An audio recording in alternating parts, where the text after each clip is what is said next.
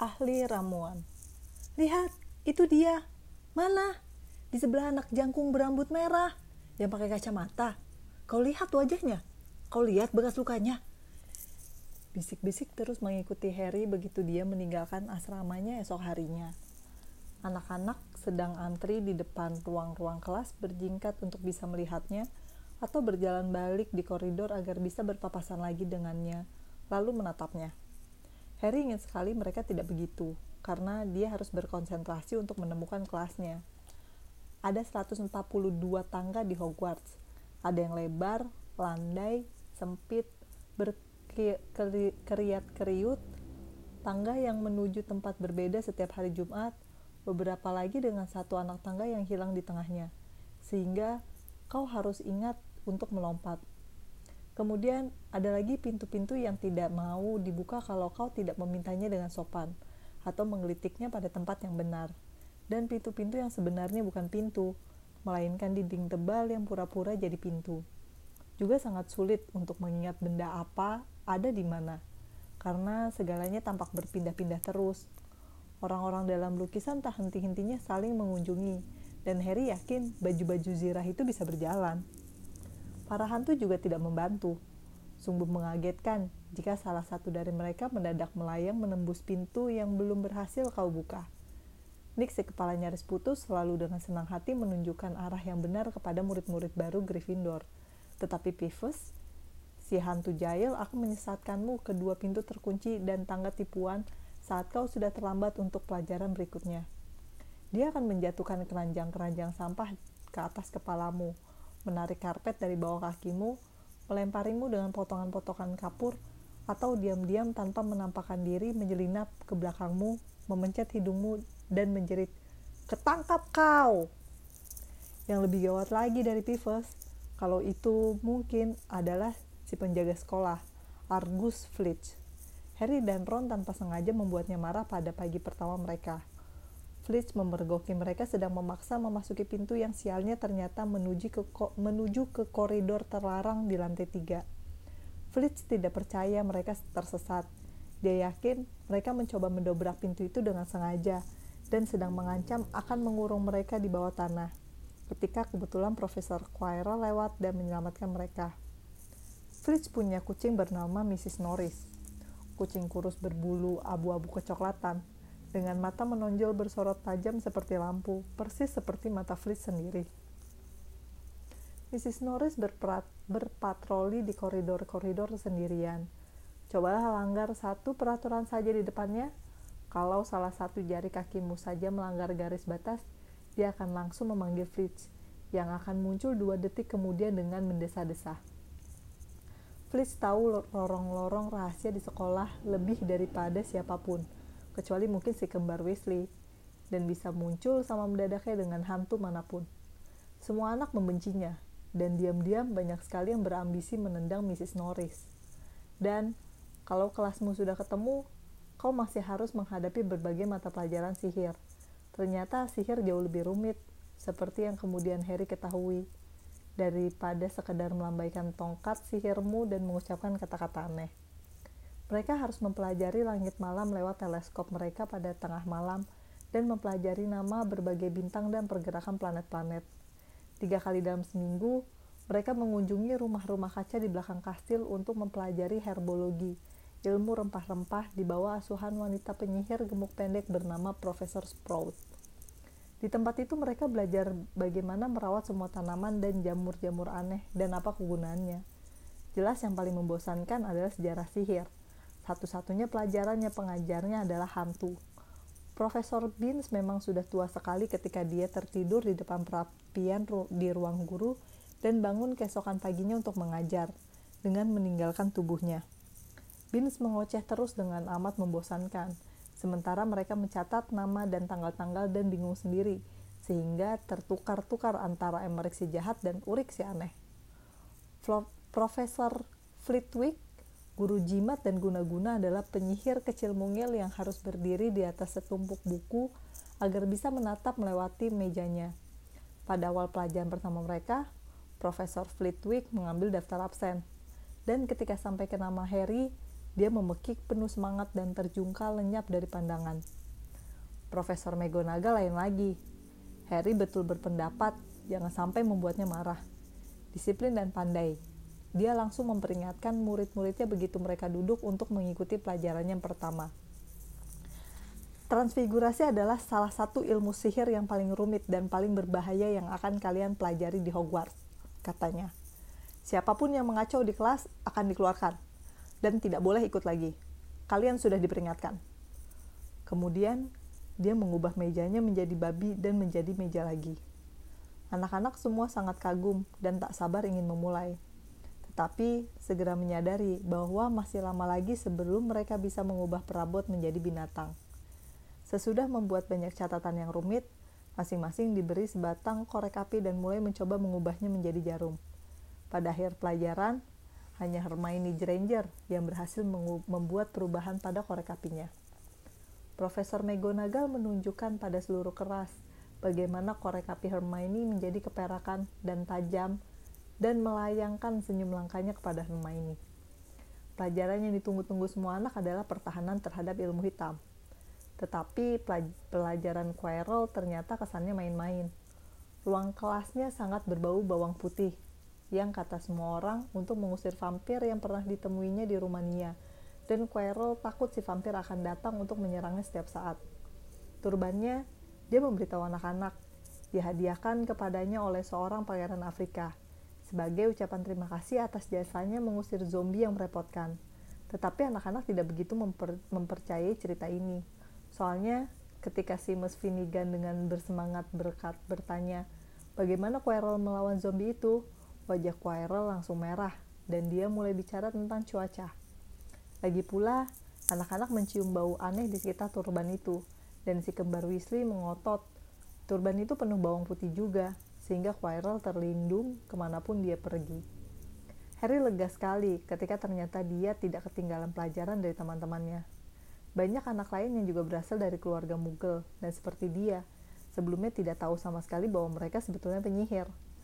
Banyak sekali yang harus dipelajari, sehingga bahkan anak-anak seperti Ron pun tidak jauh lebih maju daripada yang lain. Hari Jumat adalah hari penting untuk Harry dan Ron. Mereka akhirnya berhasil menemukan jalan ke aula besar untuk sarapan tanpa tersesat. Apa pelajaran kita hari ini?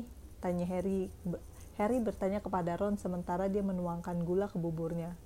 Ramuan, dua jam pelajaran bersama anak-anak Slytherin, kata Ron. Snap kepala asrama Slytherin, Orang-orang bilang dia pilih kasih dan anak-anak Slytherin selalu jadi anak emasnya. Kita lihat saja nanti apakah betul begitu. Mudah-mudahan saja kita jadi anak emas McGonagall, kata Harry. Profesor McGonagall adalah kepala asrama Gryffindor, tetapi dia tetap saja memberi mereka banyak sekali PR hari sebelumnya. Saat itu pos tiba. Sekarang Harry sudah terbiasa dengan itu.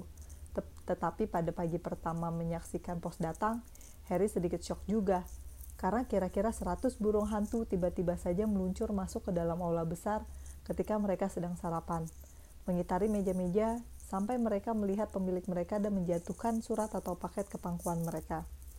Sejauh, he, sejauh ini Hedwig belum pernah membawakan apa-apa untuk Harry. Burung hantu betina itu kadang-kadang terbang masuk untuk mematuk-matuk telinga Harry dan makan sedikit roti panggang sebelum pergi tidur di kandang burung hantu bersama burung-burung hantu sekolah lainnya. Tetapi pagi ini dia melayang turun di antara selai dan mangkuk gula dan menjatuhkan surat ke atas piring Harry. Harry segera merobek amplopnya. Dear Harry, tulisannya jelek sekali. Aku tahu kau bebas setiap Jumat sore, jadi maukah kau datang dan minum teh bersamaku sekitar pukul 3? Aku ingin mendengar segala tentang minggu pertamamu. Kirim balasan lewat Hedwig, Hagrid. Harry meminjam pena bulu mirip Ron, menulis, Ya, dengan senang hati, sampai ketemu, di belakang surat itu dan melepas Hedwig lagi. Untunglah, Harry akan minum teh dengan Hagrid, sehingga ada sesuatu yang bisa dinantinya dengan senang, sebab pelajaran ramuan ternyata menjadi hal paling buruk yang sejauh ini terjadi. Dalam pesta awal semester, Harry merasa bahwa Profesor Snape tidak menyukainya. Pada akhir pelajaran pertama ramuan, Harry tahu dia keliru. Profesor Snape bukan tidak menyukainya, dia membencinya. Pelajaran ramuan berlangsung di salah satu ruang di bawah tanah. Di sini hawanya lebih dingin daripada di kastil di atas dan di ruang itu sendiri sudah cukup menyeramkan tanpa binatang-binatang diawetkan yang mengapung di dalam tabung-tabung gelas yang berjajar di sepanjang dinding. Snap, seperti Flitwick, memulai pelajaran dengan mengambil daftar absen. Dan seperti Flitwick juga, dia terhenti ketika tiba pada nama Harry. Ah iya, katanya pelan. Harry Potter, selebriti baru kita. Draco Malfoy dan kamerat-kameratnya, Crabbe dan Goyle, menjengek di balik tangan mereka. Snape selesai mengabsen dan memandang murid-muridnya. Mata hitamnya seperti mata Hagrid, tetapi tidak memiliki kehangatan seperti Hagrid. Mata itu dingin dan kosong, dan membuatmu teringat akan lorong gelap. Kalian berada di sini untuk mempelajari ilmu rumit dan seni membuat ramuan katanya memulai. Suaranya tak lebih daripada bisikan, tetapi anak-anak menangkap semua kata yang diucapkannya. Seperti Profesor McGonagall, Snape punya kelebihan bisa tanpa susah payah membuat seluruh kelas membuat seluruh murid murid di kelasnya menyimak. Karena tak banyak kibasan tongkat yang konyol di sini, banyak di antara kalian akan susah percaya ini sihir. Aku tidak berharap kalian benar-benar bisa menghayati keindahan isi kuali yang menggelegak lembut dengan asap yang menguar. Kekuatan halus cairan-cairan yang merayap, memerasuki nadi manusia, menyihir pikiran, menjerat akal sehat. Aku bisa mengajar kalian bagaimana membotolkan kepopuleran, merebus ke kejayaan, menjumbat kematian, kalau kalian bukan kepala-kepala kosong seperti anak-anak lain yang biasa kuajar. Kesunyian menyusul pidato pendek ini. Harry dan Ron bertukar pandang dengan alis terangkat. Hermione Granger sudah duduk di tepi tempat duduknya dan kelihatan ingin sekali membuktikan bahwa dia bukan kepala kosong. Potter, kata Snape tiba-tiba. Apa yang kau dapat jika aku menambahkan bubuk akar ap apel ap aspodel ke cairan wormwood? Bubuk apa ke cairan apa? Harry melirik Ron, yang sama sekali sama begonya seperti dia. Tangan Hermione sudah teracung ke atas. Saya tidak tahu, sir, kata Harry. Bibir Snape meliuk, me, bibir Snape meliuk menjadi cibiran. Wah, wah, terkenal jelas bukan segalanya. Snape mengabaikan tangan Hermione. Kita coba lagi, Potter. Di mana kau akan mencari jika kusuruh kau mengambil bezoar untukku? Hermione menjulurkan tangannya setinggi mungkin tanpa dia berdiri dari tempat duduknya. Tetapi Harry sama sekali tidak tahu apa itu bezoar. Dicobanya tidak memandang Malfoy, Grab, dan Goyle yang tertawa terbahak-bahak. Saya tidak tahu, sir. Rupanya kau tidak berminat membuka-buka bukumu sebelum datang ke sini ya, Potter? Harry berusaha tidak menatap mata dingin itu. Dia sudah membaca-baca bukunya sewaktu masih tinggal bersama keluarga Dursley tapi apakah Snape mengharapnya mengingat segala dalam buku seribu satu tanaman dan jamur gaib? Snape masih tetap mengabaikan tangan Hermione yang bergetar. Apa bedanya Potter, Mongsut, dan Wolf's Bane? Mendengar ini, Hermione berdiri, tangannya mengacung ke langit-langit kelas bawah tanah. Saya tidak tahu, jawab Harry pelan. Tapi saya rasa Hermione tahu kenapa Anda tidak menanyai saja. Beberapa anak tertawa. Harry bertatapan dengan Simus. Simus mengedipkan mata, tetapi Snape tidak senang. Duduk! Dia membentak Hermione. Agar kau tahu, Potter, campuran aspodel dan wormwood menghasilkan obat tidur yang kuat sekali sehingga disebut tegukan hidup bagai mati. Bezoar adalah batu yang diambil dari perut kambing dan bisa menyelamatkanmu dari hampir seluruh dan hampir semua racun. Sedangkan mongsut dan moss Wolfsbane sebetul, sebetulnya tanaman yang sama, yang juga disebut aconite. Nah, kenapa kalian tidak ada yang mencatat? Semua, mendadak semua buru-buru mengeluarkan pena bulu dan berkamen. Mengatasi bunyi itu, Snape berkata, satu angka akan dikurangi dari Gryffindor karena ketidakmampuanmu Potter. Keadaan tidak bertambah baik untuk Gryffindor ketika pelajaran ramuan dilanjutkan. Snape membagi mereka berpasangan dan menyuruh mereka mencampur ramuan sederhana untuk mengobati bisul. Dia berkeliling kelas, jubah hitamnya melambai, mengawasi mereka menimbang jelantang kering dan bubuk taring ular, mengkritik nyaris semua anak, kecuali Malfoy yang kelihatannya disukainya. Dia sedang menyuruh semua anak melihat cara sempurna Malfoy merebus siput bertanduknya. Ketika asap hijau berbau asam dan suara desis keras memenuhi kelas bawah tanah itu. Entah bagaimana, Neville membuat Qualisimus meleleh menjadi gumpalan penyot-penyot dan ramuan mereka tumpah merembes di lantai batu, membuat sol-sol sepatu berlubang. Dalam beberapa detik saja, semua anak sudah berdiri di atas kursi mereka, sementara Neville yang tersiram ramuan ketika Qualisimus meleleh mengerang kesakitan bersama dengan bermunculan bisul-bisul kemerahan di seluruh lengan dan kakinya.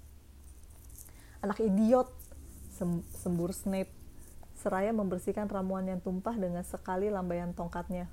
Pasti kau tambahkan duri-duri landak sebelum kualinya diangkat dalam, dari atas sapi, kan? Neville merintih sementara bisul mulai bermunculan di hidungnya. Bawa ke rumah sakit, Snape membentak Simus. Kemudian dia berbalik menghadapi Harry dan Ron yang tadi bekerja di sebelah Neville. Kau, Potter, kenapa kau tidak melarang dia menambahkan duri-duri landak itu? Kau pikir kau akan kelihatan pintar kalau dia salah, begitu ya? Kau mengurangi nilai Gryffindor satu lagi. Ini sungguh tidak adil. Harry sudah membuka mulut untuk membantah, tetapi Ron menendangnya di balik kuali mereka. Jangan memaksa, gumamnya. Aku sudah dengar Snape bisa menjadi sangat jahat. Ketika mereka menaiki tangga meninggalkan ruang bawah tanah satu jam kemudian, pikiran Harry kacau dan semangatnya merosot. Dia telah membuat Gryffindor kehilangan dua angka dalam minggu pertamanya saja. Kenapa Snape begitu membencinya? Jangan sedih begitu, kata Ron. Snape selalu mengurangi angka dari Fred dan George. Boleh aku ikut menemui Hagrid? Pukul 3 kurang 5 menit, mereka meninggalkan kastil dan menyeberang halaman. Hagrid tinggal di dalam rumah papan kecil di tepi hutan terlarang sebuah busur model kuno dan sepasang sepatu luar karet ada di depan pintu. Ketika Harry mengetuk, mereka mendengar garukan kaki dan menggonggong keras. Kemudian suara Hagrid membahana. Mundur, Feng, mundur!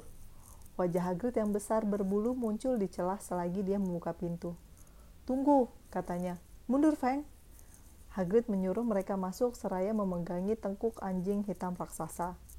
Hanya ada satu ruangan di dalam, Daging-daging panggang bergantungan dari langit-langit.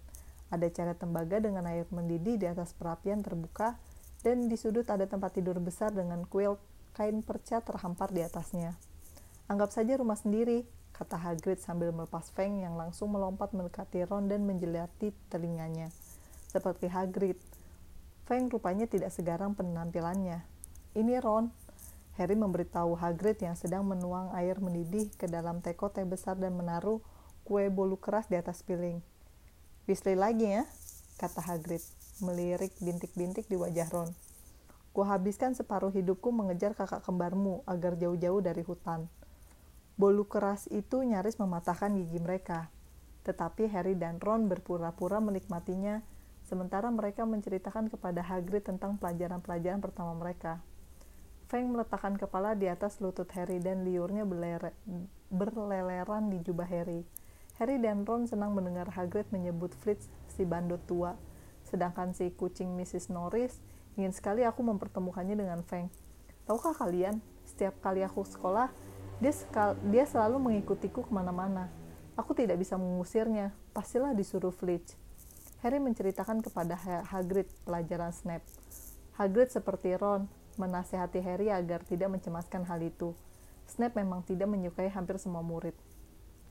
Tapi dia kelihatannya benar-benar membenciku. Omong kosong, kata Hagrid. Kenapa dia harus membencimu? Meskipun demikian, Harry tak bisa membuang pikiran bahwa rasanya Hagrid tidak menatap matanya ketika mengatakan itu. Bagaimana kakakmu Charlie? Hagrid bertanya kepada Ron. Aku suka sekali padanya. Hebat cara dia menangani binatang. Harry bertanya-tanya dalam hati, apakah Hagrid sengaja membelokkan pembicaraan. Sementara Ron bercerita kepada Hagrid tentang pekerjaan Charlie menangani naga. Harry memungut secari kertas yang tergeletak di atas meja di bawah tatakan teh. Rupanya itu potongan artikel dari Daily Prophet. Perkembangan terakhir pembobolan Gringotts. Penyelidikan tentang pembobolan Gringotts yang terjadi tanggal 31 Juli masih diteruskan.